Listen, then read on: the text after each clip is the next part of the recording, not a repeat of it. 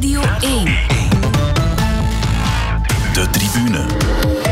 Tom van den Bulke. Hey, hallo. Heel fijn dat je luistert naar de tribune. Je hoort ons tijdens de kerstvakantie heel even niet live op Radio 1, maar dus wel hier op je vertrouwde podcast. Het einde van een jaar betekent dat er altijd een moment is van terugblikken en dat is wat we nu en ook volgende week gaan doen. In totaal zes gasten kiezen elk twee momenten die hen bijgebleven zijn uit 2020 en in deze podcast zijn dat Peter van den Bemt, Ann Wouters en Hans van de Wegen.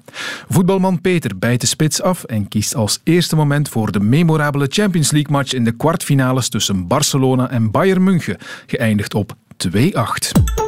It's a completely embarrassing night in the Champions League for Barcelona, and they're looking for more goals. And here's Coutinho, and he's got another one. This is ridiculous. It's eight. This is ridiculous. Er it's zijn wel een paar van die wedstrijden die je in lengte van jaren zal herinneren. En die andere is natuurlijk eh, niet toevallig, waren er ook Duitsers bij betrokken. eh, in- Aan de goede kant van, eh, van de medaille, namelijk eh, Brazilië-Duitsland. hè, Halve finale van het, eh, van het WK, 1 tegen 7. En nu was het kwartfinale van, eh, van de Champions League tussen twee van de absolute zwaargewichten van het Europese topvoetbal. Niet een kneusje tegen een grote ploeg, maar ja, de, de grootsheid, ik zeg dat altijd, van dat soort momenten wordt ook bepaald door het eh, decor en ja, waar je op dat moment bent. Halve finale WK, kwartfinale van, eh, van de Champions League.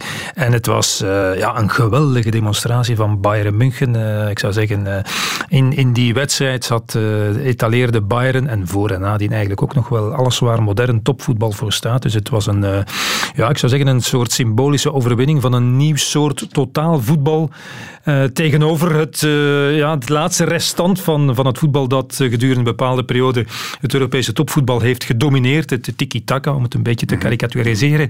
Eh, met, met de Spaanse nationale ploeg natuurlijk, drie grote toernooien gewonnen. En natuurlijk FC Barcelona met al die vaardige voetballers en Messi, want ook dat het was toch een beetje symbolisch dat in het verliezende kamp uitgerekend eh, Lionel Messi stond. Dus het was een, niet alleen een, wedstrijd voor de historie door, door de score, door, eh, ook door de acteurs die natuurlijk aan, eh, aan die wedstrijd deelnamen. Ja, wie waren voor jou de hoofdrolspelers als je dan het over die acteurs hebt?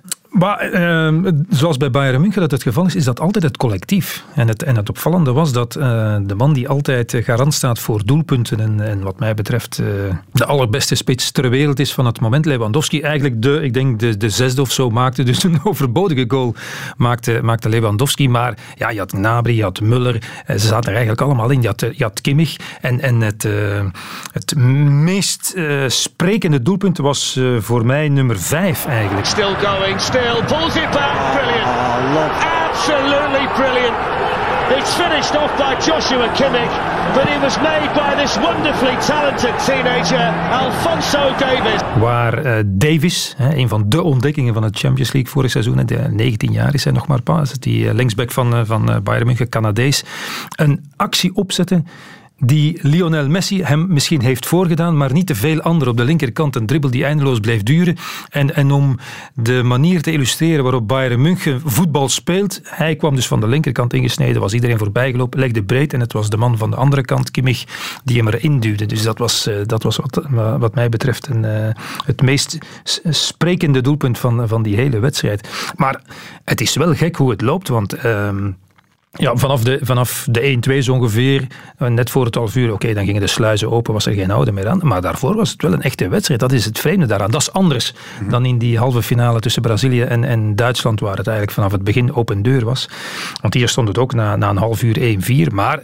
ja, Je had wel, ze waren op voorsprong gekomen, Bayern München, maar dan de gelijkmaker. En twee kansen voor, voor Barcelona, met Suarez alleen door, met een bal van Messi tegen de paal. Dus het had bij wijze van spreken in die wedstrijd ook enigszins anders eh, kunnen lopen. Maar had het ook meer nog kunnen zijn dan 2-8? Eh, ze hebben zeker niet al hun eh, kansen afgewerkt zoals dat, zoals dat gaat. En dat heb je met, dat heb je met Duitsers, ja, die, die stoppen niet.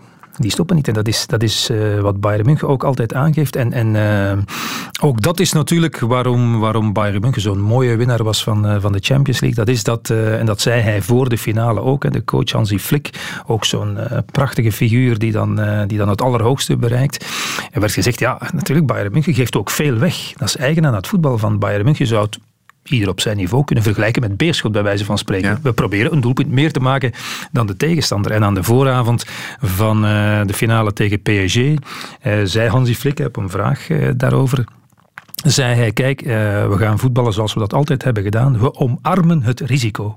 Vond ik een prachtige quote eigenlijk. We omarmen het risico. En dat werd in de finale nog een keer geïllustreerd. Ik denk in de 92e minuut, bij 1-0, niet bij 8-2, maar bij 1-0, was er nog een tegenaanval van PSG. En kwamen ze met 5 tegen 2 nog aanvallen, PSG. Dus al die van Bayern, in plaats van te zeggen... Mm, het is nog één minuut, we gaan nu toch even achterin blijven staan. Nee, ze waren nog allemaal mee naar voren getrokken mhm. bij een aanval. Tot in het absurd. En ja, maar net gemist of het, het, waren, het waren verlengingen geweest. Maar het is wel wat mij betreft een soort symbolische overdracht van de macht. En ik weet, ik weet wel, Barcelona was eigenlijk al het hele seizoen in, in crisis. Dat werd daar nog een keer geaccentueerd. Dat had al een paar keer onderweg uh, wat meeval gehad. En het is de voorbije jaren net iets te vaak gebeurd natuurlijk met Barcelona in de Champions League. Met uh, als tussentijdse climax natuurlijk die, die 4-0 pandoering op het veld van, van Liverpool met die twee doelpunten van, van Origi. En, en uh, ik heb dat hier vaker al gezegd bij het begin van het seizoen ook, denk ik. En dat is heiligschennis, ik weet het. Maar ze hebben afscheid genomen van een aantal bepalende figuren die ja, het beste hebben gebracht wat we ooit hebben gezien op een, voetbalveld, hè, met Xavi, Iniesta en zo mhm. verder. Maar het is een uitdovende generatie. En, en ik weet niet of het voor Barcelona zo'n goed idee is om vast te houden aan Lionel Messi. Misschien zal de economische realiteit hen dwingen om er afscheid van te nemen. Maar ik denk als Barcelona een tijdperk wil afsluiten en een nieuw tijdperk wil inwandelen, want Barcelona zal altijd een ploeg zijn die, die weer terugkeert aan de absolute wereldtop van het internationale voetbal, ja, dan moet dat misschien zonder Messi. Oké, dadelijk misschien nog een woordje meer over Barcelona. Ik wil nog eens terug naar die figuur eh, van Hansi Flick, waar je het net over had. Wint inderdaad de Champions League, wint ook de Duitse beker en de titel, de treble dus. Maar die man, van waar komt hij eigenlijk? Kunnen we dat nog eens vertellen? Want ja, hij is assistent. Dat hij een, een, een, grote erelijst al of palmares had op voorhand. Nee, nee, nee, nee, Het, was, het was eigenlijk iemand zonder, uh, zonder erelijst en zonder ja. palmares zou je kunnen zeggen. was assistent natuurlijk van, uh, van Leu bij, bij de Mannschaft. Ze zijn ook zo wereldkampioen geworden. En uh, hij was eigenlijk een, een bescheiden assistent in de schaduw.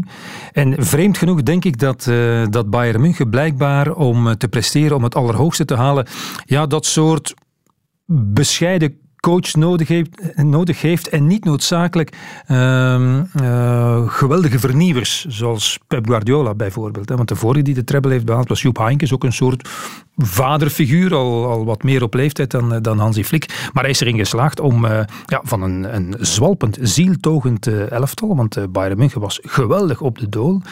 En is hij gekomen en heeft hij ja, ook, ook spelers zoals Muller gereanimeerd, dat mag je toch wel zeggen, want Muller was al anderhalf jaar echt op, eh, op de dool. En heeft het ja, op een soort eenvoudige manier weer rechtgetrokken. Al moet ik wel zeggen, uh, hij was eigenlijk maar aangesteld voor een paar wedstrijden. Dan gingen ze weer een, een grote naam zoeken. Oké, hij won die dan. Rond de jaarwisseling net ervoor was er nog even een dipje. Was er sprake van, oei, oei, hij kan het niet. En ja, dan is hij natuurlijk, is hij natuurlijk vertrokken. En um, hij blijft altijd heel erg rustig. Treedt niet op het voorplan. Uh, laat zich niet verleiden tot, tot geweldige uh, grote uitspraken. Maakt ook geen misbaar langs de lijn.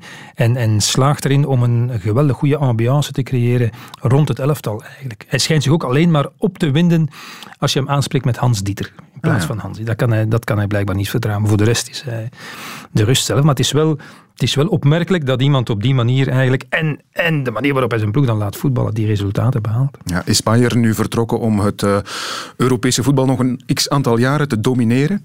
Um, ze zijn in elk geval wat mij betreft uh, favoriet om de Champions League opnieuw te winnen, maar het loopt wel allemaal een beetje moeizamer. Het is oh, een soort uh, sign of the time, heb ik de indruk. In wel meerdere competities zijn de, de grote ploegen hebben het -hmm. allemaal toch een beetje, een beetje moeilijker. Dus in dit zeer vreemde seizoen zou ik niet echt durven voorspellen wat er gebeurt. Maar uh, in elk geval denk ik, je kan niet zeggen nog jaren, want ja, dat hebben we al een paar keer gedaan, die voorspelling. Nu gaan het de Duitsers zijn. En toen ze in de finale stonden met Bayern.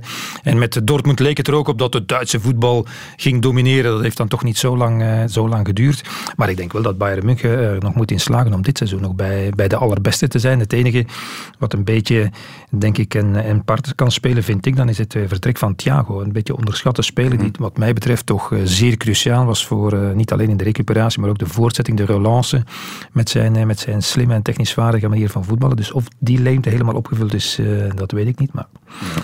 is heeft een geweldige elftal om naar te kijken. Ja, ik, ik, naar ik, moet zeggen, ik, uh, uh, ik ben altijd wel een fan geweest van, van Bayern München en van het, van het Duitse voetbal ook, en dat was dan om de verkeerde reden, toen Duitsland door iedereen gehaat werd, had ik toch op een of andere manier sympathie voor de Duitsers. Omdat die er toch altijd in slaagden toen om uh, met, met uh, lelijk voetbal en niet noodzakelijk de beste ploeg toch altijd resultaten halen op een bepaalde manier. Die niet tot de verbeelding sprak, maar daar kon ik wel respect voor opbrengen. Dus ik denk dat ik in de finale van het WK van 2002 in Yokohama zo ongeveer de enige was tussen Brazilië en Duitsland die eigenlijk stiekem toch sympathiseerde voor de Duitsers, al was het maar uh, voor, uit, uit, bewondering, zal ik dan maar zeggen, voor uh, de enige twee spelers op niveau van Duitsland, namelijk uh, Endgame.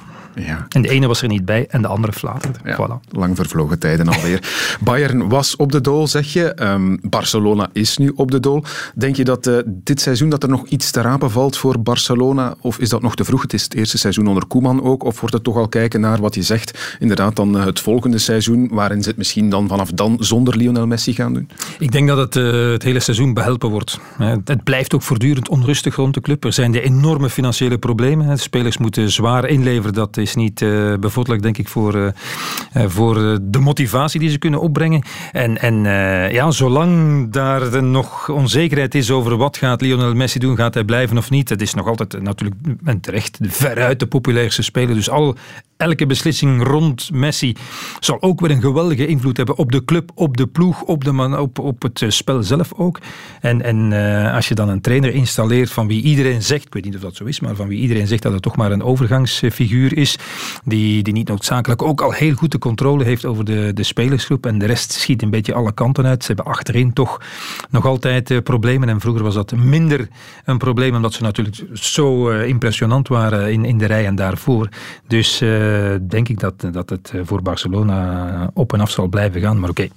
in C hebben ze natuurlijk in het, uh, hoger in het veld nog altijd zoveel kwaliteit om natuurlijk toch bij de betere ploegen in Europa hmm. te zitten. Oké, okay, laatste vraag, omdat de naam nu gevallen is. Lionel Messi. Um, ja, doe jij mee aan de vergelijkingen Messi-Maradona? Uh, nee, kijk, uh, ik vind niet dat er een rangschikking moet gemaakt worden. Wie is nu de allerbeste? Ik zou het zelf niet kunnen. Ik zou kunnen zeggen, ook tussen Ronaldo en Messi. Mm -hmm. Ik zou kunnen zeggen, oké, okay, ik zet Messi op één en Ronaldo op twee, maar ik kan even goed uh, zelf argumenten aanreiken om het omgekeerde te doen. Het enige, en dus uh, niemand kan, kan uh, de kwaliteiten en de verdiensten en de prestaties van, van Messi overschatten. Die zijn galactisch al, al mm -hmm. 15 jaar aan een stuk op het allerhoogste niveau. Maar het enige verschil, en daarom is mijn respect voor de voetballer Maradona oneindig groot, is dat wat Maradona wel gedaan heeft, hè, dat is al vaak aangehaald uh, bij zijn overlijden, is natuurlijk van een, van een redelijk anonieme middenmotor uh, zonder al te veel middelen de kampioen van Italië gemaakt ten koste van het, uh, van het rijke noorden. En dat heeft hij ook gedaan met Argentinië. Was zeker in die periode niet de sterkste ploeg ter wereld. En hij heeft ze toch bijna op zijn eentje wereldkampioen gemaakt en ook eens in de finale gebracht. Dus, dus dat is iets, hoe je het ook draait of keert, uh, wat Messi aan de ene kant niet heeft moeten doen, want hij excelleerde in de beste ploeg van de wereld. Met ook Xavi, Iniesta, Puyol, Busquets en zo verder, uh, Piqué. Uh, dus ja, ik denk dat is dan net iets makkelijker om, om dan de allergrootste te zijn. En met Argentinië kreeg je het niet voor elkaar, omdat Argentinië ja, een redelijk mank elftal heeft. En omdat dat wellicht nu uh, veel moeilijker is om dan toch finale te halen of wereldkampioen te worden dan in, dan in uh, 86 of in, in 90. Maar dus dat heeft Messi niet, uh, niet gekund en Maradona wel. De tribune. Barcelona en Bayern München zijn twee zwaargewichten in het voetbal en dat brengt ons naadloos bij de tweede keuze van Peter van den Bemt.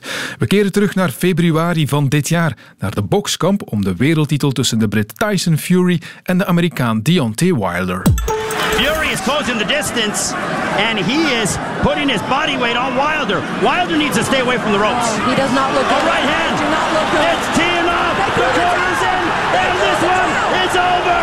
Tyson Fury has become the new WBC heavyweight champion of the world oh. as the oh. corner has thrown in the towel.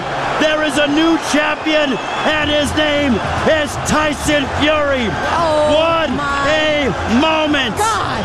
You know, first and foremost, I want to say thank you to my Lord and Saviour Jesus Christ. I said, Those who bring evil against me will not prosper. I said, Those who stand in the dark can never come into the light. All praise be to the one and only true God, Jesus Christ. Secondly, I just want to say big shout out to Deontay Wilder. You know, he came here tonight, he manned up, he really did show heart of a champion. I hit him with a clean right hand and dropped him, and he got back up and battled on into round seven. He is a warrior, he will be back, he will be a champion again. But I will say, the king has returned to the top of the throne.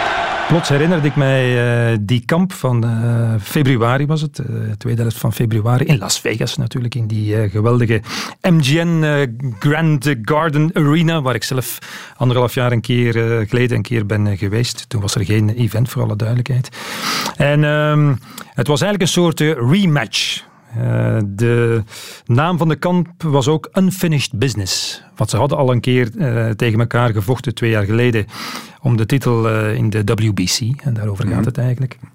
En tot grote onvrede van alle waarnemers toen, van de specialisten, was die kamp onbeslist geëindigd, waardoor Deontay Wilder zijn wereldtitel kon behouden tot grote onvrede van Tyson Fury. En dus was dit een soort rematch eigenlijk. Er is heel lang over onderhandeld. Uh, ondertussen boksen ze andere kampen, riepen ze naar elkaar, hoe zit het? En dus geweldig spektakel tot dan uiteindelijk uh, begin dit jaar met publiek nog.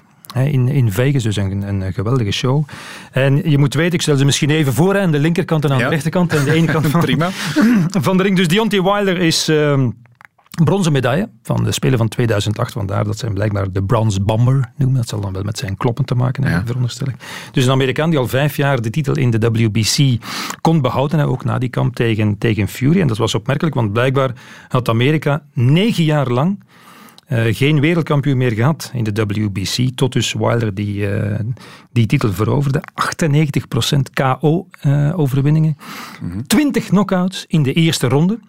Om maar te zeggen, ja. een zwaar gewicht. Hè? Ja. En aan de andere kant iemand met een, met een uh, geweldig verhaal. Tyson Fury. Naar wie zou hij genoemd zijn door maar zijn dat is niet moeilijk, denk ik. Ja, Mike Tyson kan alleen maar Mike zijn. Hè? En ik heb nog gelezen nu, ik heb een beetje opgezocht, hij was een prematuurtje drie maanden te vroeg geboren. Dus, uh, te dat is wel nog goed gekomen. te weinig gewicht. En, en, uh, dus de vader vertelde dat de dokters zeiden, ja, hij gaat het niet overleven. De man had al twee dochtertjes ook verloren die prematuur waren geboren. Dus wel een beetje een, een, een tragisch uh, verhaal. Hij was ook al wereldkampioen in al die andere uh, boxbonden, de WBA, de IBF, de WBO en zo verder. IBO uh, had in 15 gewonnen van Klitschko, maar daarna was het toch stijl bergaf gegaan met, met Fury. Grote problemen gehad, mentaal, drankproblemen, uh, drugs, overgewicht. Dat kan blijkbaar voor een uh, zwaargewichtmoes. Kan je, toch, ja, ja, ja. ja, kan je toch op een of andere manier overwicht hebben. Dus in de loop der jaren, want hij kon niet meer boksen, hadden ze eigenlijk al die titels afgepakt, maar is dan aan een, een soort comeback begonnen. Met dus als uh, uiteindelijk nu de grote climax in februari van dit jaar, hè, die kamp in, uh, in Las Vegas. En uh, ik heb er zelf geen verstand van, voor alle duidelijkheid, mm -hmm. maar volgens de specialisten was het een, een prestatie zoals die in lengte van jaren niet meer was genoteerd van een professionele zwaardgewicht-bokser van de kant van Fury dan, die er dus los op geklopt heeft. Hij ging al vrij snel weer. Uh, Wilder in de derde ronde. Dan nog twee keer neergegaan, maar dat was uh, een beetje uitglijden. En dan finaal in de, in de zevende ronde. Bloedde al uit zijn oren en zijn mond blijkbaar. En dan heeft de verzorger de handdoek in de ring gegooid, letterlijk, hè, zoals het gaat in de box. Ja, zeer tot grote onvrede van Wilder. Die... Uh, die achteraf zei, ik had er nog zo gezegd dat ze dat niet mochten doen, want zelfs als het erop lijkt dat ik helemaal uitgeteld ben, en daar leek het dan toch wel op, ja, dan kom ik toch nog terug. Dus hij zo na uh, zijn, zijn begeleider aan de deur gezet, is er uiteindelijk niet van gekomen. En nadien uh, begon Wilder dan uh, Trump-gewijs, slechte verliezer, allerlei excuses op te dissen. Hij had gezegd, ja, mijn eigen verzorger heeft mij onvoldoende water gegeven. Uh, in de handschoenen van Fury zat ver, had verborgen gewichten waarmee hij mij harder kon raken dan, dan gewoonlijk. Maar het grootste probleem, zo zei Wilder achteraf, was zijn kostuum. Want het is natuurlijk Vegas, mm -hmm. het is boksen, dus het is een geweldige show dus Fury kwam binnen, echt waar, binnengereden op een soort rijdend podium. Een echte troon. Ja. Een echte koningstroon. Hij zat in een, in een koningsgewaad en een kroon. Zo kwam hij binnen. Dat leek mij comfortabeler. Want blijkbaar had Wilder een, een groot soort pak aan met een zware helm op. En dat woog meer dan 20 kilogram. Dus ja, ze moeten zich een beetje voorbereiden voor ze echt. Dus hij had er een kwartier mee moeten staan en lopen. En zei, ja, ik moest dan nog die trapjes op naar de ring. Dus dat had hem eigenlijk, had hem eigenlijk uh, flink, wat, uh, flink wat parten gespeeld. En hij zei, ja, dat is ook de reden waarom ik eigenlijk nooit echt, uh, nooit echt fris was. Ik heb gelezen dat Fury 267 keer heeft geklopt. dus ja, kan, kan ik mij voorstellen ja. dat je dan uiteindelijk toch een beetje...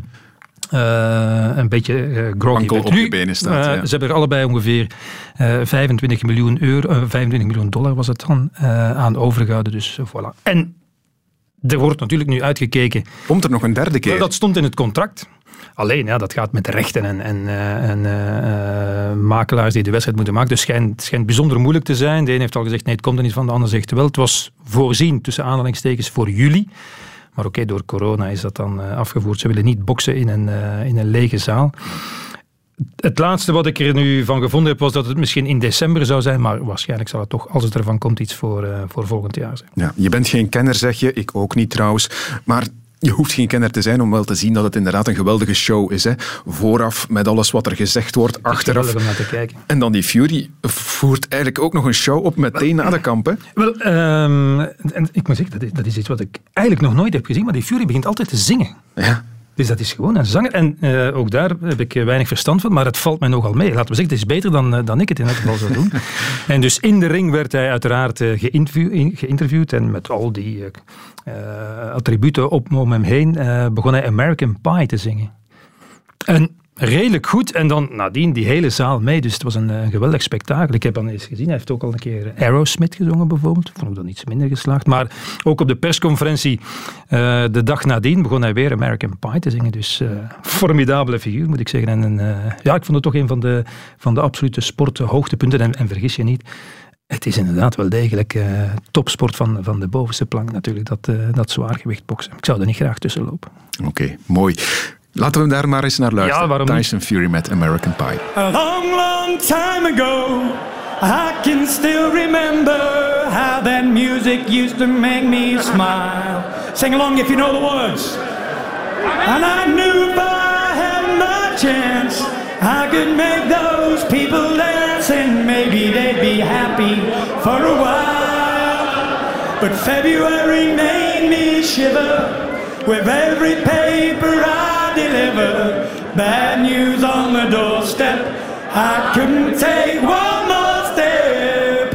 I can't remember if I cried when I read about his widow bride. Something touched me deep inside the day the music died. All together now. So bye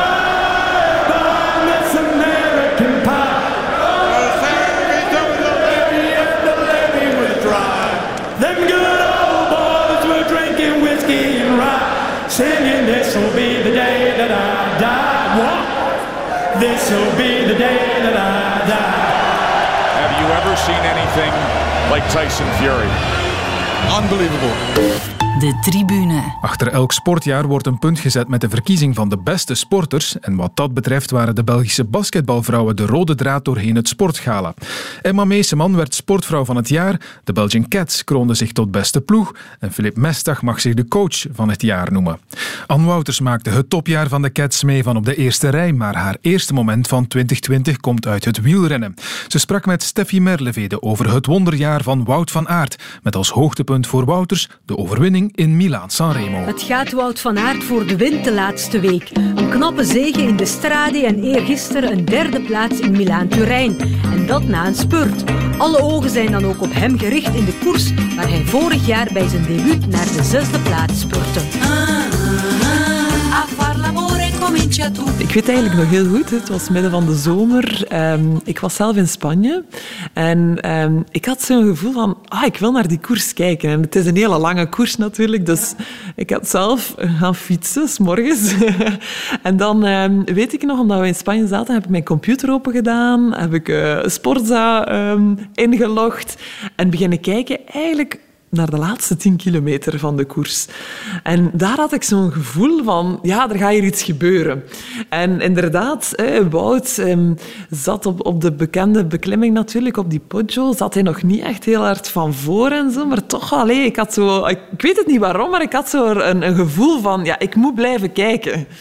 Ehm, en dan vooral, die laatste kilometers waren, waren fantastisch gewoon. Um, heeft dan Alaphilippe terug, uh, allee, daarbij gekomen in de afdaling en dan met twee naar die meet gaan, weet ik eigenlijk ook nog heel goed. En de commentators waren ook erover bezig. Van, het was ook wel een klein beetje een tactisch spel aan het worden.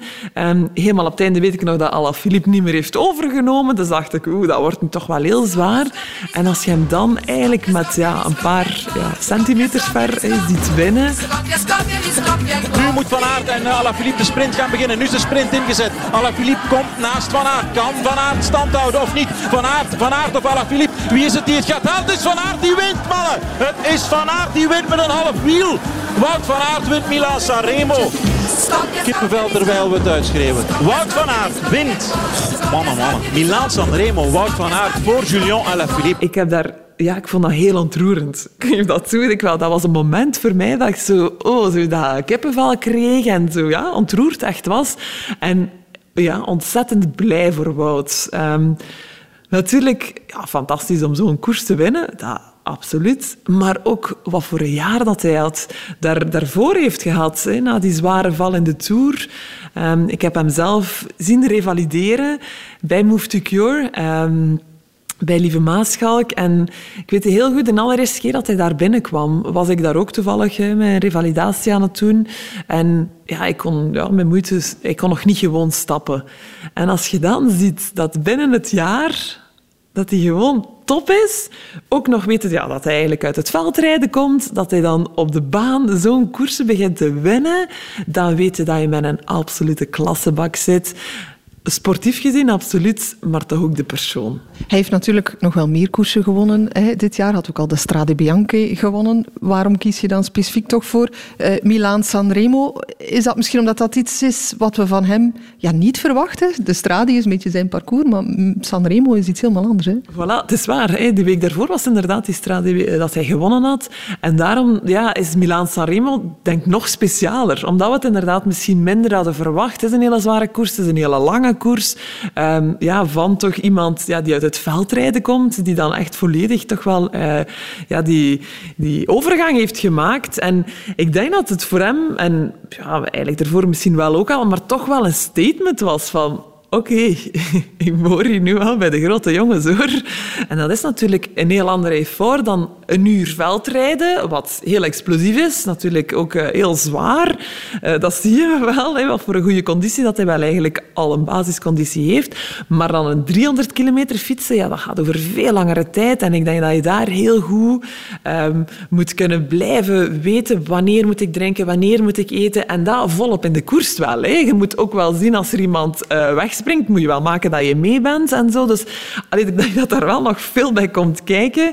En om dan ook je kalm te blijven behouden. Ik vind dat je dat een beetje ziet in hem. Hij heeft, heeft zoveel talent, zoveel um, karakter, maar toch ook ergens dat kalm blijft toch ook over hem. Van oké, ik, ik weet waar ik mee bezig ben. En in dat, denk ik, zijn toch ook wel wat de, ja, de capaciteiten van een echte topper. Zag je dat ook al toen jullie daar ja, samen revalideerden? Van, ja, dat dat misschien in hem zat van oké, die rust, die kalmte en ik kom terug? Ja, om eerlijk te zijn wel. Um, ik denk dat, dat er natuurlijk momenten, en in een revalidatie zijn die er altijd, zijn er altijd momenten van twijfel van, ach, gaat mij dat nog lukken? Ga, kan ik nog wel ooit op mijn oude niveau terugkomen? Maar ik denk dat vooral de, de, het gevoel bij hem ook overwoog van ik ga er gewoon nog sterker uitkomen. Ik ga die periode gebruiken om nog, nog te werken aan aan van alles, aan, aan waar dat ik misschien tijdens het jaar, als er altijd maar koersen zijn, waar ik heel, allee, iets minder tijd voor heb. En nu ga ik maken dat die basis zodanig goed is, dat ik ga kunnen uh, pieken als het echt wel moet. Dus ergens, denk ik, heeft hem ook dan natuurlijk deugd gedaan door die corona. Uh, door de lockdown zijn die koersen natuurlijk uitgesteld. Anders had het natuurlijk wel een ander um, voorjaar voor hem geweest, sowieso. Maar daaraan zie je natuurlijk ook dat dat ook wel belangrijk soms is om even ook is het mijn hele zware blessure, even op de pauzeknop te duwen en dat er ook misschien wel wat druk van aan viel. Dus je moet je dan focussen op je revalidatie en, en dan zijn daar de andere uitdagingen natuurlijk aan. Hè. De eentonigheid en zo kan ook wel zwaar wegen, maar toch is er ook even een beetje druk dat van je glijdt. En dan zie je dan, zeker als ze ook nog jong zijn, dat, daar eigenlijk, dat ze daar gewoon sterker uitkomen. Um, heb je daar toen met hem veel over gepraat ook toen jullie daar samen revalideerden? Hoe, was dat contact? Um, om eerlijk te zijn, als we bezig waren, waren we allebei redelijk gefocust hoor, op onze oefeningen. Dus heel veel hebben we dan niet gebabbeld. Eigenlijk door zijn vrouw zijn we wel beginnen babbelen. Zijn vrouw was, kwam af en toe ook mee en, en deed daar ook oefeningen en zo. En ik ben eerst met haar beginnen praten, omdat zij ook nog een klein basketbalverleden had. En zo zijn we aan de praat geraakt. En dan heb ik daarna ook natuurlijk met Wout uh, erover gepraat en zo. Um, maar wat aan mij vooral opviel, was dat als hij daar was, was hij om te werken. En was hij daar ook om zijn oefeningen correct uit te voeren met heel veel focus. Dus het was ook niet om daar ja, eh, heel sociaal te gaan doen. Dus er was wel al een bepaalde focus door als hij daar was. Zeker. Maar, maar jij volgt hem wel een beetje extra sindsdien, begrijp ik? Ja, sindsdien wel. Natuurlijk, ik heb ook wel een groot hart voor wielrennen. Um, omdat ik het vooral zelf heel graag doe nu, het fietsen. Het komt mij goed uit natuurlijk, hè, met een beetje uh, kapotte knieën om te gaan fietsen. Is, is voor mij eigenlijk een hele goede manier om ook uh, aan mijn conditie te werken, maar ook om buiten te zijn, om in de natuur te zijn. Kan daar ja, dubbel van genieten, van een beetje af te zien, maar toch ook buiten te zijn. Um, en vandaar, ja, ik denk dat ik dat een beetje van thuis uit gewoon heb meegekregen. Mijn papa was vroeger ook eigenlijk echt wel een, een, een wielerliefhebber en, en nog, hij volgt nog altijd de koersen, dus ik denk dat ik dat wel van thuis uit heb meegekregen. Maar nu, ja, als je dan het verhaal van Wout is natuurlijk speciaal, omdat ik hem inderdaad zelf um, oefeningen heb zien doen die ik daar ook daarnaast stond te doen en dan, dat we allebei eigenlijk aan het afzien waren en dan denk je van, ja, dan volg je dat toch wel wel met ja, een iets andere blik. Hoe vaak ga jij fietsen zo nu in een week bijvoorbeeld? Uh, nu iets minder geef ik toe, omdat ik terug wel wat meer aan het lopen ben. Omdat ja, die Olympische Spelen blijven toch uh, nog in mijn droom. En daar moet ik toch vooral ook kunnen lopen en niet zo goed kunnen fietsen. Uh, maar het is natuurlijk een alternatieve training voor mij. En ik probeer, ehm, normaal gezien in een week ga ik één à twee keer nu fietsen. En, en over welke afstanden spreken we dan zo? Oh, dat is beperkt hoor. Dat, dat zijn geen Milaan-San Remo-toestanden. Nee, nee. Dus meestal, oh, dat hangt er een beetje vanaf. Nu, om eerlijk te zijn, in de winter zijn de afstanden ook wel iets korter. Omdat ik toch, uh, ja, het, het, is minder aangenaam. Dat geef ik absoluut toe. Uh, dan in de zomer, dan, dan waren er wel eens afstanden tussen uh, 80, 100 kilometer of zo. Dan deed ik dat wel eens, maar nu is dat iets minder hoor. De tribune. Radio 1. Anne Wouters is er intussen 40, maar ze zal er nog alles aan doen om volgend jaar met de Belgian Cats fit te zijn op de Olympische Spelen. De kwalificatie voor die Spelen in het begin van dit jaar was voor Wouters een moment van grote euforie.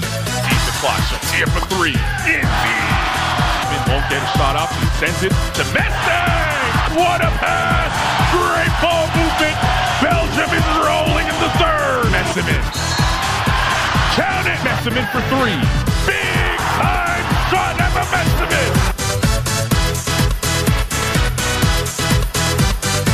Hugs all around. Smiles that will turn to tears. Belgium is headed to the Olympic Games for the first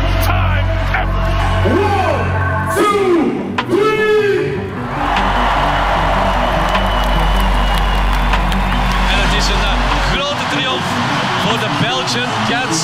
Ze gaan naar Tokio. Hallo! Het is gebeurd! Wat hè? Ik kan niet geloven. Jullie gaan! Auw! Oh my god, hij ook! Ja, de historische kwalificatie van de Belgian Cats voor de Olympische Spelen. Om heel eerlijk te zijn, um, was ik even aan het nadenken, 2020, de sportgebeurtenissen, en kwam niet direct in mij op. Het leek alsof dat gewoon al veel langer geleden is. De pre-corona is gewoon precies een ander leven. Um, maar toen dacht ik, ja, wacht even, februari, wacht, dat was ook al 2020. Um, en ja, ik denk dat ik daar toch wel toch wel een heel speciaal moment was. Voor ons als ploeg, maar eigenlijk nog veel groter. Voor het basketbal in België denk ik dat echt wel iets uh, historisch was. En waar ook al ja, een hele weg is uh, afgelegd. En dat was ja, ergens toch wel een beetje de bekroning ook van, van zoveel jaren werk. Um, vooral dan in eigen land dat ticket kunnen bemachtigen, dat was gewoon fantastisch om dat te kunnen delen met zoveel mensen. Eh, voor de eerste keer ooit denk ik dat we voor ja, denk vijf of zesduizend man, alleen een volle zaal in, in Oostende konden spelen. Die sfeer, ja, die ga ik toch wel nooit vergeten. Ja, dat zijn toch wel de momenten ja, waarvoor dat je het doet. En, en, en vooral ook... ehm, als ploeg hebben we daar toch wel ja, heel wat jaren naartoe gewerkt. En om het dan te kunnen afmaken in eigen land, in eigen huis, ja, dat was toch wel een, eh, een topmoment. Neem ons nog eens mee terug naar die match. Het was tegen Zweden en het was ja, niet zo eenvoudig. Hè. Bij de rust stonden jullie nog achter. Ja, ehm, daar, kwam, daar had men van in het begin een klein beetje schrik voor om het eh, in eigen land te organiseren. Oei, gaat er nog wat meer druk bij komen? En dan hebben we dat ja, gezegd, er was druk. Daar moeten we niet flauw over doen. Er is altijd, als er met zo'n groot belang eh, moet gespeeld worden, ja, voelden wij dat ook hoor. We zijn ook allemaal mensen en je wil het zodanig goed doen. En inderdaad, in, in die rust eh, weet ik nog... ehm, dat ik daar ook even het woord had genomen. En eh, ik, kan me niet meer zo goed herinneren wat dat precies, allee, wat ik net gezegd heb, maar ik wel iets had van, oké, nu is het wel, nu moeten we het doen. Hè.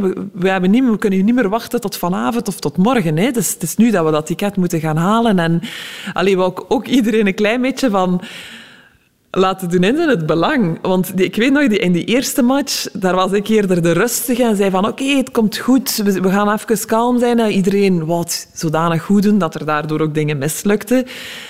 Maar dan in die laatste match had ik zo wel iets... Oké, nu brandt het wel. Hè. Nu moet het nemen. Hè. Want anders gaan we spijt hebben voor de rest van ons leven.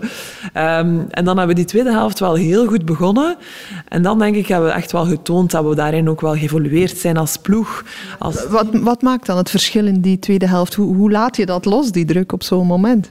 Ik kan me wel nog echt herinneren dat daar toch ook wel, en maar toch wel ook echt eh, een heel belangrijke, cruciale rol heeft gespeeld. En dat zij toch in een aantal ehm, ja, hele belangrijke momenten, dat zij daar toch wel echt het spel naar haar heeft getrokken en ons daar die rust heeft gegeven door ja, de correcte actie te maken, door te scoren, door... Ja, zo goed weet ik niet meer alle acties, maar dat kan ik mij wel nog herinneren, dat daar even was van, oké, we hebben Emma. Het komt goed. Belaren, Alman. Alman. Hier. Emma Meeseman zit binnen. Emma Meeseman trekt de cats over de streep. Alleen iedereen, ik wil dat natuurlijk niet alleen uh, Emma uh, op. allee, ze heeft natuurlijk een heel belangrijk uh, aandeel. Maar dan denk ik, dan voel je zoiets van in dat team, ja, gaat die druk weer wat minder en dan voelt iedereen hem weer goed in zijn rol en dan, en dan begint ja, het... Op het moment dat zij zo'n beetje toch ja, de, kaart trekt, de leiding gaat nemen met haar ervaring ook waarschijnlijk.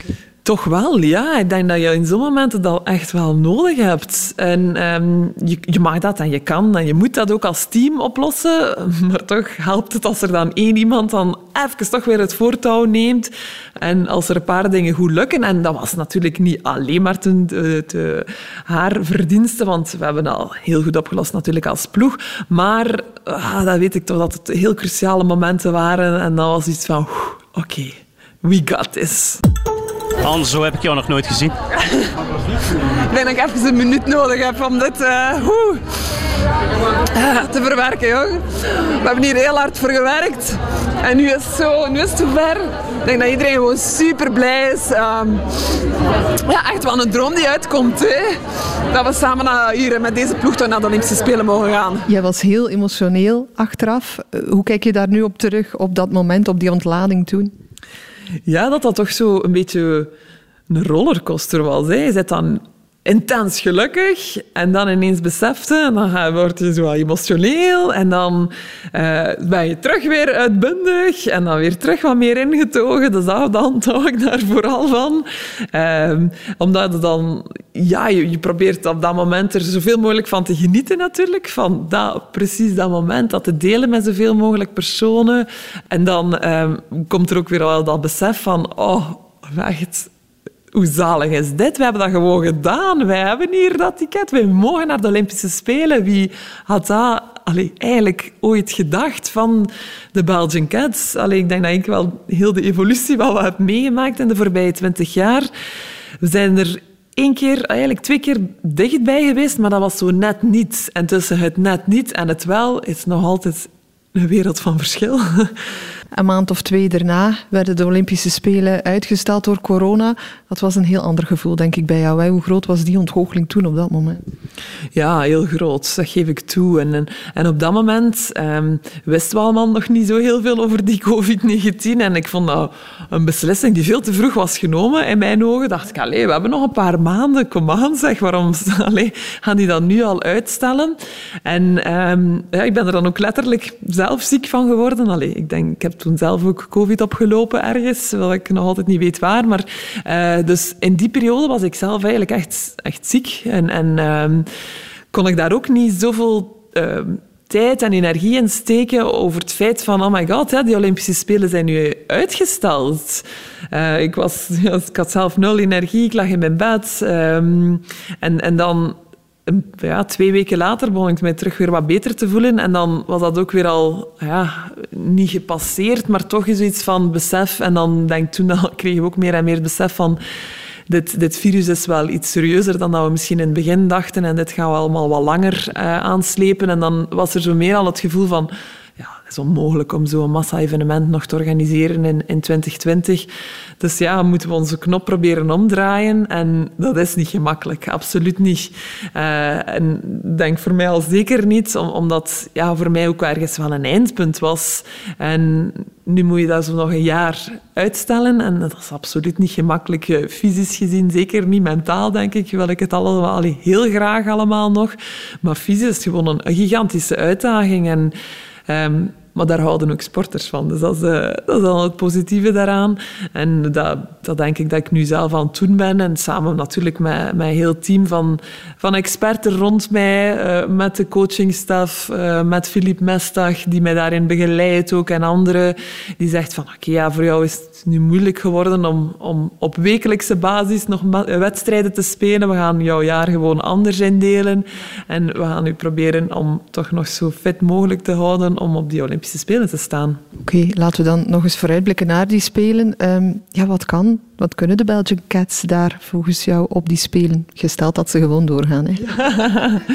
Wel, um, sowieso zijn er al ja, twaalf beste landen eigenlijk van de wereld. Dus we kunnen al moeilijk uitgaan van oké, okay, die, die tegenstander, dat wordt, nog, uh, dat wordt te doen. Of dat is een gemakkelijke. Ik denk, allee, daar zijn alleen nog maar toplanden hè, die overschieten hè, in die twaalf. En ik denk dat we al getoond hebben in de voorbije campagnes dat um, als je een toernooi begint en je kan groeien in een toernooi, er veel mogelijk is. En ik denk de gezonde ambitie dat we gaan proberen zeker voor een top 8 plaats te, te gaan. En um, vooral wetende dat we nog altijd het best presteren in een klein beetje een underdog-rol.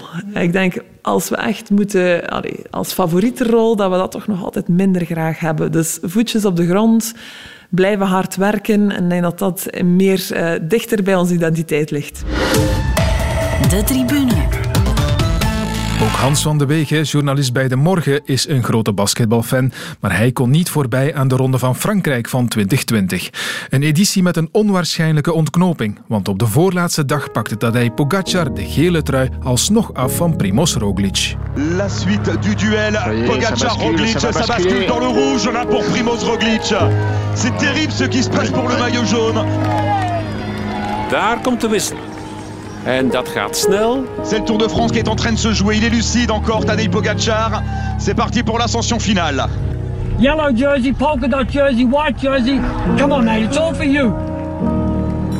Hier is Pogacar met winst in de Tour. You in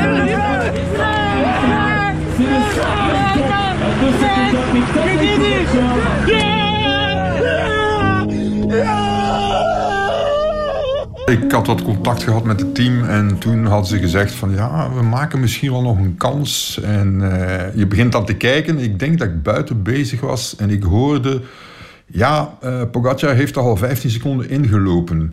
Maar ik dacht van goed, ja, 57 seconden. Uh, straks komen, moeten ze nog gaan klimmen. La Planche Belleville. Ik ben er één keer naar boven gereden. Het was nauwelijks nog rijden, want dat is een verschrikkelijk lang en stijl stuk.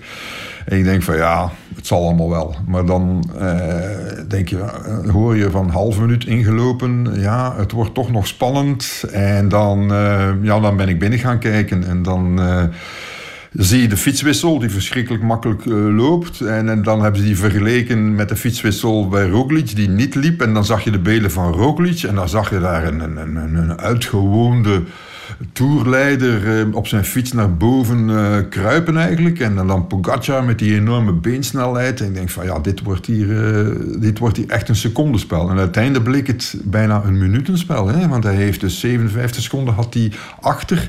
En hij is geëindigd met een, een bonus van 59 seconden. Fenomenaal. Enerzijds als je het dan analyseert, uiteraard de, een, een, een soort, uh, hoe zou ik het zeggen, uh, iets in de benen bij Roglic geslagen uh, dat hem heeft, ja, hem heeft achteruit gezet. En anderzijds Pogacar die waarschijnlijk de dag van zijn leven had. En als je dan de de tijden worden soms geanalyseerd door, er zit één, één Fin op Twitter die dat verschrikkelijk goed doet. En als je dan gaat kijken, ja, 6,3, 6,4 watt geduwd gedurende die klim. Dat is de fysiologische limiet, of daar in die buurt. Uh, waarmee ik niks wil zeggen dat het verdacht zou zijn. Maar Pogacar heeft daar wel de tijdrit van zijn leven gereden. En Roglic heeft die niet gereden. Had hij die wel gereden, dan was het nipt geweest. Ik ben eens door een aantal kranten geweest uh, van toen. En je leest dan inderdaad de dag nadien buitenaardse Pogacar. Uh, ommekeer van de eeuw. Als we, laten we zeggen, tien jaar geleden dat soort dingen gelezen hadden in de kranten, dan uh, ging er al ergens een, een, alarmbelletje af, denk ik. Heb je nu het geloof, inderdaad, dat we wel met een andere, jongere generatie te maken hebben bij, waarbij we minder vragen moeten stellen? In het geval van Pogacar ook? Wel, als je nu gaat kijken naar uh, de, wat er nog aan doping is in het wielrennen. Als je praat met de mensen en als je, als, als je de rapporten krijgt over de bloedwaarden en over de, de, de onderzoeken die ze zelf doen, dan denk ik dat we nu meer geloof mogen hechten aan wat er is gepresteerd in deze tour. Dan in de tours, uh, ja, laten we maar zeggen, vanaf uh, begin de jaren 90 tot, tot misschien zelfs 2010, misschien zelfs de tours van Contador, daar weet ik ook niet zo heel veel over. Nadien is het enorm verbeterd. En ik vind het, het, het gaan kijken naar welke wattages ze trappen, hoe lang, vind ik wel opmerkelijk uh, en zeer goed om te analyseren. Zitten ze hier uh, in de rode zone en, en al te lang? Hè? Want dat kan, er worden veel dingen vergeleken nu die niet te vergelijken zijn. Men vergelijkt soms en men zegt soms, ja, maar die zat aan 7 watts per kilogram. Ja, als een klim die 10 minuten duurde, dan kan dat. Maar dat kan niet op klimmen die 20 tot een half uur duren, want dat is een beetje, dat is, die 20 minuten dat is een beetje, uh, waar ze, dat noemen ze de functional threshold. Dat is een beetje de, de, grens van, kijk, uh, daar gaan we, uh, daar weten we van. Als we daarover zitten, gaan we onszelf kapot rijden. En, en, dus, en als je dat bekijkt, die 6,4 watt van Pogacar, denk je, ja, dit kan. Om maar te vergelijken, toen Armstrong en Pantani al d'Huez opreden, reden die aan 7 watts per kilogram naar boven. Dat, dat soort dingen moeten we nu gaan vergelijken. Natuurlijk, Pogacar heeft de Peresurde sneller naar boven gereden dan om teven wie ooit. Maar goed, dat waren niet de grote kanjers die daar toen hadden opgereden. Dus waren in volle EPO-tijd uh, was die berg ook al beklommen en was die cruciaal geweest, dan had ze daar waarschijnlijk ook wel in de buurt van de zeven gereden. Dus samenvattend zou ik zeggen van uh, heb vertrouwen in wat we hebben gezien uh, tot nader orde. Hè? Want dat is natuurlijk altijd in de sporten. Ja. Is um, Pogacar dan voor jou een, wonderkind, zoals, ik zeg maar wat, omdat hij nu vaak aan bod komt, natuurlijk Diego Maradona erin was? Uh, het is een van de grote atleten ja, in deze sport. En uh, het, mooie was, het was eigenlijk ook wel aangekondigd. Hè. Want men denkt nu, ja goed, waar komt hij uit? Ja, die heeft vorig jaar al een aantal dingen laten zien in de Vuelta. En uh, ik had contact met de ploeg. En uh, ja, die wisten van Pogacar dat hij dingen kon die weinig andere mensen konden. Hè. En uh, zijn fysioloog die in Amerika uh, werkt en woont, die heeft ook al rapporten op Twitter gezet. En die, worden, ja, die raken dan ondergesneden omdat die man heeft 400 volgers of zo. Inmiddels iets, ietsje meer, tien keer meer, denk ik. Maar ja, dan lees je van, oei, als dat Pogacar is waar hij over schrijft, dan, dan, dan moet het toch wel super zijn. En, en, en dan zie je, ja, heel die begeleiding is ook wel, daar zitten ook wel mensen bij die weten hoe het gaat. En, en, ja, en dan heb je natuurlijk heel het aspect van de verrassingen. Die, die, die jonge man, die, die, en Roglic, die weet van, ja, maar die Pogacar kan dingen die ik niet kan bergop. En wat als? En dan sluipt de twijfel in het hoofd en dan was het, ja, was het gedaan voor Roglic. Hij is nog een jongen, hè? 21 jaar nog maar. Ehm, is hij nu vertrokken voor een lange reeks? Want dat willen we dan altijd weten natuurlijk, hoewel niemand een glazen bol heeft, maar toch? Ehm, ik denk dat er meerdere zijn. Hè? Die, uh, Bernal zal terugkomen, uh, Pogacar zit daar, Remco Evenepoel komt. Die Koes zullen ze waarschijnlijk ook wel iets mee doen bij, bij Jumbo-Visma. Um, er zijn meerdere jonge mannen die daar, uh, of jonge gasten die daar uh, staan te duwen aan de poort. En ik denk eerlijk gezegd, het, het, is ook zwaar voor een, um, een renner om zich seizoen na seizoen te concentreren op die ronde van Frankrijk, op die Tour of op andere grote rondes, zonder dat je de middelen hebt die ze pakweg 20 jaar geleden hadden. Dat was een stuk makkelijker. Uh, ook qua recuperatie. Maar nu zie je dat een aantal atleten echt, uh, nadat ze de Tour hebben gewonnen of een andere grote ronde, ja, toch een paar jaar nodig hebben om te recupereren. En, en wat zal het met Pogacar zijn? Los daarvan, de, het, stardom, hè, dus die wordt natuurlijk ook een ster. Uh, zal waarschijnlijk ook gaan verhuizen, uh, ergens wonen waar hij niet te veel belastingen moet betalen. Wat gebeurt er allemaal met die gasten? Dat, weten we niet. Je hebt dit moment uh, gekozen niet alleen voor Pogacar, maar ook voor zijn teammanager Alan Piper. Wat is zijn aandeel geweest in, in dit succes? Wel, ik had uh, drie dagen voor de Tour begon, dacht ik van, oh, ga ik een naar Ellen bellen. Ik ken Ellen al lang van hij in het wielrennen zat. Tenminste, hij is wielrenner geweest uiteraard, maar van voor hij terug ploegdirecteur was, uh, had hij mij mail gestuurd van dat hij mijn columns las en dat hij een keer contact wilde. En dat hij met zijn hamburgerkraam op de Gentse feesten stond en uh, of ik langs wilde komen. En ik ben langs gegaan we hebben lang zitten praten, koffie gedronken enzovoort. En daar is een soort vriendschap uitgegroeid. Dus die, die is blijven duren.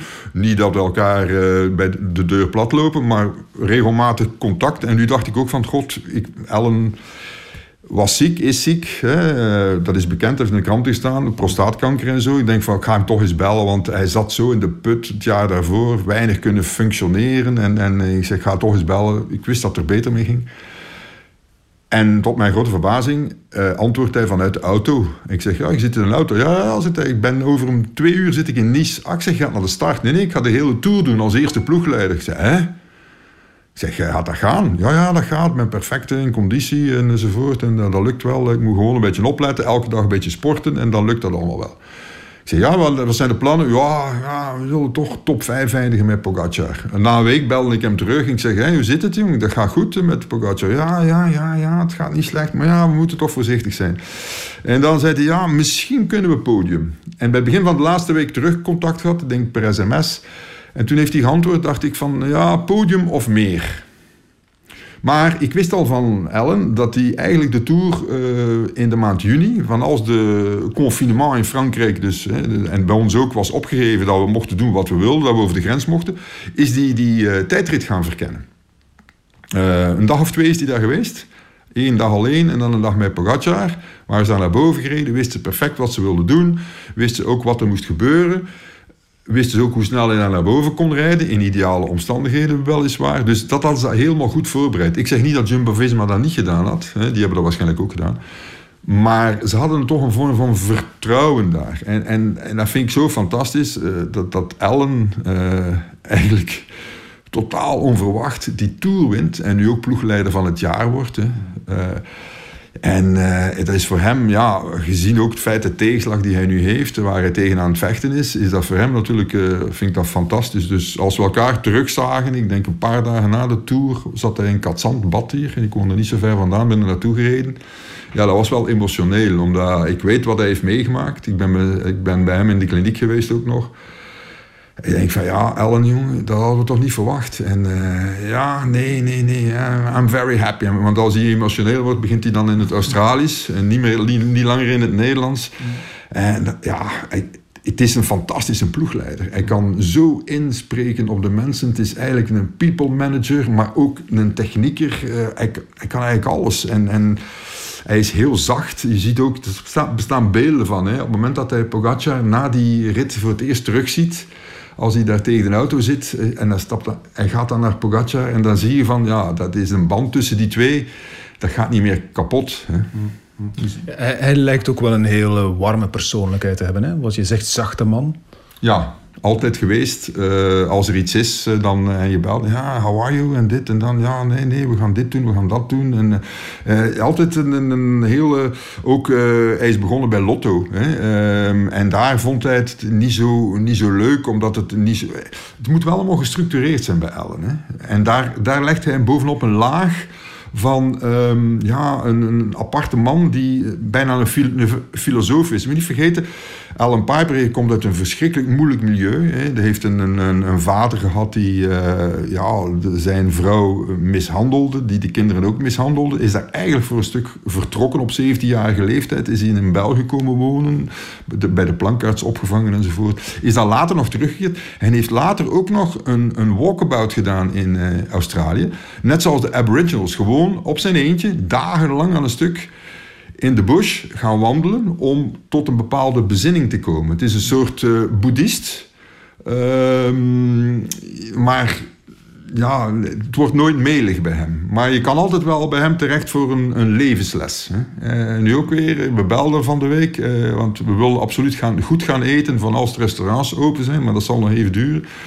En uh, ja, dan hoor je weer hoe hij tegen zijn ziekten aankijkt en dan denk je van ja, chapeau. Hè. Het is toch zwaar. En, uh, maar hij geniet nu nog altijd van zijn succes. En dat gun ik hem natuurlijk. De tribune. 2020 was ook het jaar van Remco Evenepoel tot die dramatische dag van de Ronde van Lombardije. Evenepoel dook tijdens een afdaling het ravijn in en ontsnapte maar net aan het ergste. Hans van de Wegen staat nog eens stil bij de val en ook bij de heisa achteraf rond wat er nu precies in de achterzak van Evenepoel zat. Attention. Oula, Quand je vois un, un vélo comme cela, que s'est-il passé Remco est tombé. Oui. Mais non, c'est pas vrai. Mais c'est pas vrai. Mais c'est pas vrai. Ce vélo qu'on avait vu là, chute terrible de Remco Evenepoel. Voici l'ambulance.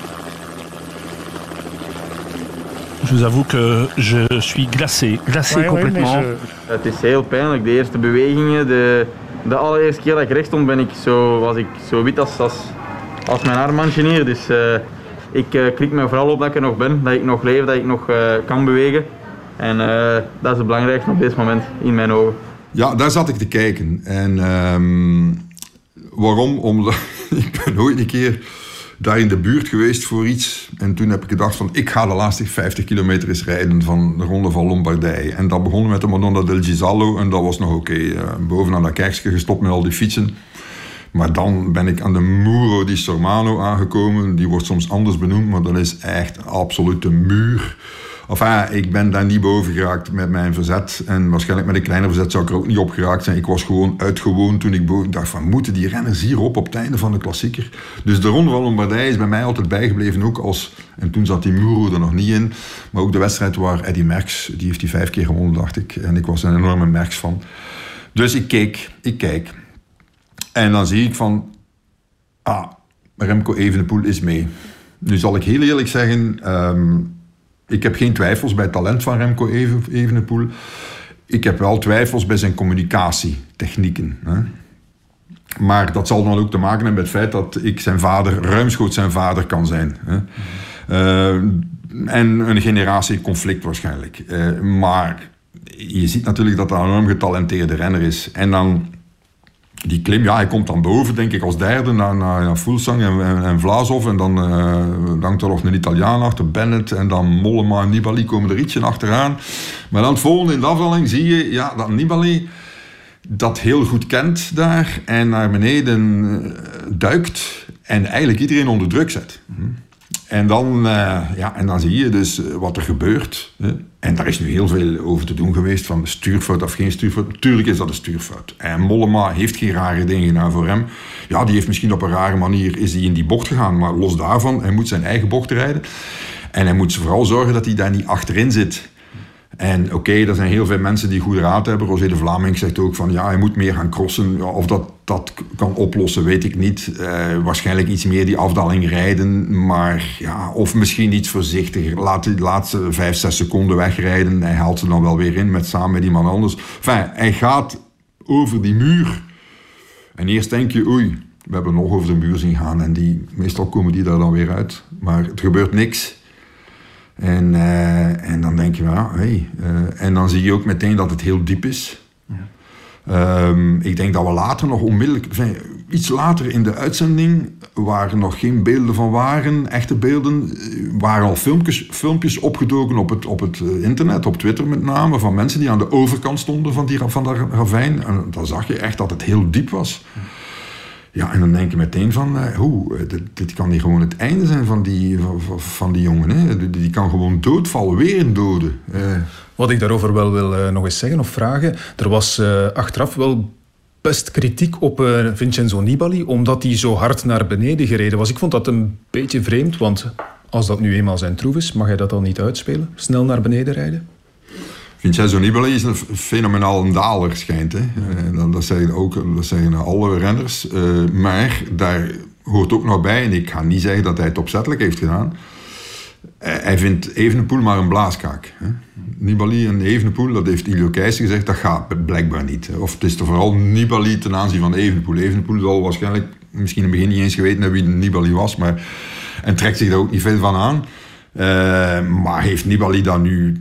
Ja, Nibali zal toch gewoon gezegd hebben... ik ga zo snel mogelijk naar beneden rijden. Wie mij kan volgen, wie mij lief heeft, volgen mij. Hè? En wie mij niet kan volgen, kan mij niet volgen. En die moet dan maar op een andere manier naar beneden komen. En de manier waarop Remco Evenepoel naar beneden is gekomen... was zeer onorthodox. En die heeft dan... Maar het zal een les zijn. Hè? Maar je kan toch Nibali niet verwijten... dat hij op kop gaat rijden... en zo snel mogelijk en zo goed mogelijk naar beneden rijdt natuurlijk. Nee, inderdaad, het is dan wel uiteindelijk uh, goed gekomen. Maar er was ook wel wat te doen in de dagen uh, nadien. Hè, want er duikt dan een filmpje op waarbij uh, de ploegleider van de Koning Quickstep, Bramati, iets uit de achterzak ziet halen van Remco Evenepoel. Ja. Een flesje waar dan plots mysterieus over gedaan werd. Ik heb dat bericht, denk anderhalve dag voor het in het nieuws kwam bij ons... Um, heb ik dat bericht doorgestuurd naar ook iemand die ik vrij goed ken... Um, Ivan van Mol, de dokter van um, de Koning Quickstep. Ik zei, Ivan, hier gaat, er, gaat de miserie mee komen. Ah, en hij minimaliseerde dat. Hij zei, nee, dat is niks, uh, dat wordt niks. Ik zei, ja, ik denk dat dit een eigen leven gaat leiden. En een dag later was het van dat. Waarom ben ik daar zelf niet op ingegaan? Omdat ik mij kan inbeelden dat als je op je rug ligt, dat je van alles uit je rug haalt. Uh, daar zit er natuurlijk er zit geen sleutelken in, zoals bij mij, om aan mijn zadel te prutsen of, of iets vast te zetten. Dat heeft die jongen allemaal niet nodig. Dus wat daarin zit, is puur wat ze nodig hebben om... En voornamelijk, ik kwam dan na een lange klim... Ja, dan denk je, meestal zijn ze dan vrij licht. Uh, dus ja, wat wordt daar uit dat zakje gehaald? Uh, dat, gaat, dat, gaat, dan een eigen leven leiden. Dat, gaat, dat ging enorm snel rond op Twitter. Dat kwam, kwam in de kranten, dat kwam in L'Equipe. Uh, Lapartien werd wakker, de voorzitter van de UCI. we gaan dat onderzoeken. En, en, dan, en dan zit je met wielrennen. Ik bedoel, ja, dus de boel slaat dicht. Lefevre slaat dicht. Bramati zegt niks aan de hand. Um, de dokters zeggen niks aan de hand. Uh, we communiceren daar niet over. Uh, het is niks. Typisch wielrennen. En dan begint natuurlijk van ja, maar wat is er uit de zak gehaald? Hè? Er was al een die zei van ketonen. Maar ik weet dat ze bij de Koning Quickstep het, het recente onderzoek wel redelijk volgen. En ketonen in de wedstrijd daar is nu wel van gebleken dat, het, dat hij dat beter niet doet in de wedstrijd. Na de wedstrijd wel, om te recupereren. Dus ik dacht van ketonen, ja, het zal wel wat, wat anders zijn. Maar ik ken iets van doping en ik weet, ik weet dat er geen product is dat je zomaar kan innemen aan het eind van de wedstrijd. Daarmee weggeraakt bij de doping, winnen en daarmee weggeraakt bij de dopingcontrole. Dus het, het dat het doping is, daar ga ik al niet van uit. Hè? Ik zeg, wat bezielt de UCI om daar, want die weten dat uiteraard ook, wat bezielt de UCI om daar dieper op in te gaan? En als je dan gaat navragen, de vragen die ze hebben gesteld aan uh, de Koning Quickstep, ja, eigenlijk de UCI dacht, en dat is onwaarschijnlijk, dacht dat het een zendertje was. Je dacht, ah, een zendertje, ja, waarschijnlijk willen ze, uh, willen ze niet dat gegevens worden doorgegeven, uh, de, bijvoorbeeld de snelheid en de hart, of, of uh, het hartritme, weet ik veel, hartslag, dat soort dingen.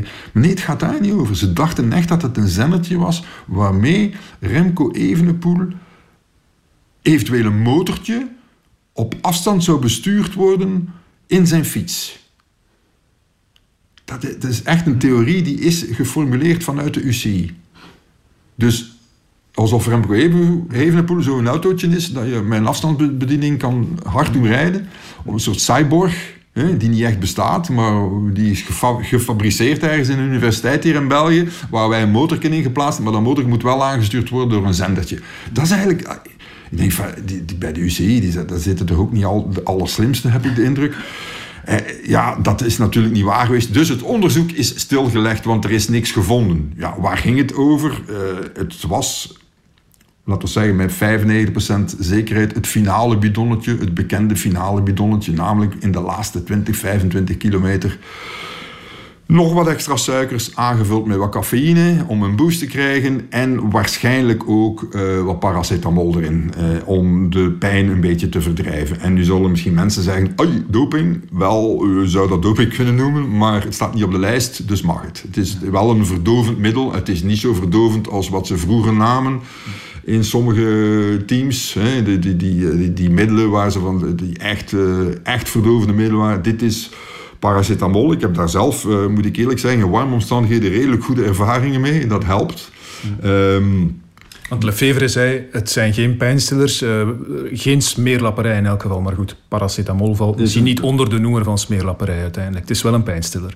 Paracetamol valt niet onder de noemer van smeerlapperij, maar het is wel een pijnstiller. Maar het is geen verboden pijnstiller, dus we, gaan er niks, we moeten daar niks over zeggen. Ik bedoel, uh, we kunnen daar ook niks over zeggen. Bovendien, ik denk dat iedereen die daar op kop reed zal op een bepaald moment in, zijn achterzak uh, tasten en zal gewoon iets nemen waarvan hij weet van het is nog 20 kilometer, ik wil hier winnen en nu ga ik hier gewoon iets doen waarmee ik weet dat ik 1, 2, 3 procent beter ga rijden. Ook al is het niet waar. Het placebo-effect alleen al, daar zoeken zij naar. En dan kunnen we weer zeggen, ja, dat is weer die hekserij vanuit de, vanuit de wielrennerij. Ja, dat zal allemaal wel. Dat is inderdaad de hekserij vanuit de wielrennerij. Uh, maar het is natuurlijk een wedstrijd, een heel zware wedstrijd. En als je dan het, alleen al het idee hebt dat je, wat je binnenkrijgt helpt, ja, dan, dan is dat belangrijk. Hè. Uh, om een ander voorbeeld te geven, men, zegt soms, ik hoor soms commentatoren ook op televisie zeggen, ja, hij neemt nu nog een gelletje op vijf kilometer van de streep. Ja, uiteraard, dat, dat gelletje komt niet meer in het systeem, maar er zijn al zoveel studies verschenen over het feit dat als je het celletje, als je koolhydraten in je mond neemt, dat de hersenen onmiddellijk beginnen te denken: ik heb koolhydraten gekregen, dus ik heb hier meer energie. Hoewel de energie nog niet in het systeem zit. Dus placebo-effect een beetje, ja. ja. Het is eigenlijk ja, het is een placebo-effect, maar het werkt. Dus als het placebo-effect werkt, is het dan nog een placebo-effect. Het heeft meer een psychosomatisch effect op de prestatie dan wel een fysiologisch effect. Dus die dingen helpen. En het is natuurlijk een sport die op de grens zit van de fysiologische limiet van de mens. En als je die een beetje kan bedriegen, de fysiologische limiet, en de hersenen kan bedriegen, en de hersenen bedriegen jouw systeem dan terug, ja, dan heb je, heb je wel, wel wat natuurlijk. En meer zal het ook niet geweest zijn. Maar daar is inderdaad heel veel ellende rond uh, verkocht. Ik vind ook dat de UCI uh, die communicatie, als ze dat willen onderzoeken, dat ze dat niet moeten naar buiten brengen. Dat ze gewoon dat zeggen, uh, bellen naar Patrick Lefevre, dit gaan we onderzoeken en maak daar geen spel over. Maar ja, dan een communiqué van Lapartien, dit gaan we onderzoeken. Lapartien heeft ook al onzin verkocht over ketonen. Dus ik denk van ja, wereld, ze zijn daar weer al. En, en dat is de enige sport in de hele wereld die erin slaagt om altijd weer zichzelf in discrediet te brengen, terwijl het niet eens nodig is. Je hebt eh, het woord ketonen al een paar keer laten vallen. Dat is ook wel zo en dat is ook weer eigen aan dat wielrennen, denk ik dan. Hoewel het toegelaten is, het mag, blijft er toch een zweem van mysterie rondhangen. Sommige ploegen doen het, andere dan weer niet. Ehm, wat weten we daarover? Het mag ook allemaal niet echt geweten worden, heb je de indruk bij sommigen. Wel, het is natuurlijk zo dat het, gebruik van ketonen, uh, het juiste gebruik van ketonen, uh, is, is nogal delicaat en is waarschijnlijk ook atleetafhankelijk. Dus ploegen die weten hoe ze ermee moeten werken, eh, weten nu dat ze die eigenlijk eh, moeten gebruiken ter recuperatie. En zeker niet in wedstrijd. Er is, ik heb onlangs een voorbeeld gehoord van iemand die eh, ging voor een prijs en die ketonen had. En die heeft die ketonen ingenomen juist voor uh, dat hij wedstrijd moest beginnen. Want die dacht van ik voel mij wel slap. En die, voelde die was nog slapper. En die is er meteen ook uitgegaan. Hè. Ik ga geen namen noemen. Ik heb de naam gehoord. En het is, het is hallucinant eigenlijk. Dat je denkt van ja goed, iedereen heeft hem gezegd. Dit is om te nemen na en om een beetje beter te recupereren en niet tijdens. Je gaat er niet beter van, maar je gaat wel zorgen dat de recuperatie beter is. Dus een aantal teams weten dat. Het team dat daar heel goed mee bezig is al heel lang is Jumbo-Visma. Toen ik in 2015 het eerste verhaal over ketonen schreef, kreeg ik um, meteen te telefoon van hun performance director. Of een mail, uh, herinner ik me nog, van ja, we zijn er ook mee bezig en dit en dat. Zeer open. Jumbo-Visma is daar heel open over. Uh, Sunweb doet het niet bijvoorbeeld. Die verbieden het ook. Hè. Ties Benoot heeft dat al gezegd. De Koning Quickstep die werkt er wel mee. Lotto Soudal werkt er ook mee. Onlangs hebben we nog iemand zien toekomen en die kreeg die jongen die in de Giro redelijk goed reed en die kreeg dan zo'n flesje op, opgegoten en dan, dan vroeg je, oh, wat is dat, wat is dat? Ja. ja. Dat is typisch voor het wielrennen. Maar ketonen zijn voor het eerst gebruikt in de Olympische ploeg van 2012 van de Britten. Onder andere de afstandslopers, die uh, Mo Farah enzovoort, die dan moesten uh, ja, twee, drie keer lopen. Uh, om te beter te recupereren. Uh, zijn ook bij ons in ploegen, uh, in atletiekploegen al gebruikt naar, in een aanloop naar de Spelen van Rio. onder deskundige leiding van iemand die nu al het onderzoek doet. In Leuven doen ze nu Leuven is het epicentrum geworden van het onderzoek naar de ketonen. En daar hebben ze eigenlijk al wel gevonden dat ketonen werken in de recuperatie. Maar bij die directe inspanning dat je daar beter afblijft. En er is nog een, een, een combinatie met bicarbonaat die eventueel wel zou werken. Uh, enfin, er wordt nu ook een documentaire gemaakt van Discovery Channel daarover. Uh, Global Cycling Network is daarmee bezig. Uh, die gaan filmen volgende week. Om daar, ja, en dat zal misschien helpen om de hele, de hele mysterie rond de ketonen eruit te halen. Mijn bezwaar is wel dat ik nu om de week uh, mails krijg uh, van de uitvindster van de ketoon, Kieran Clark, want die is nu, heeft nu haar eigen bedrijf opgericht.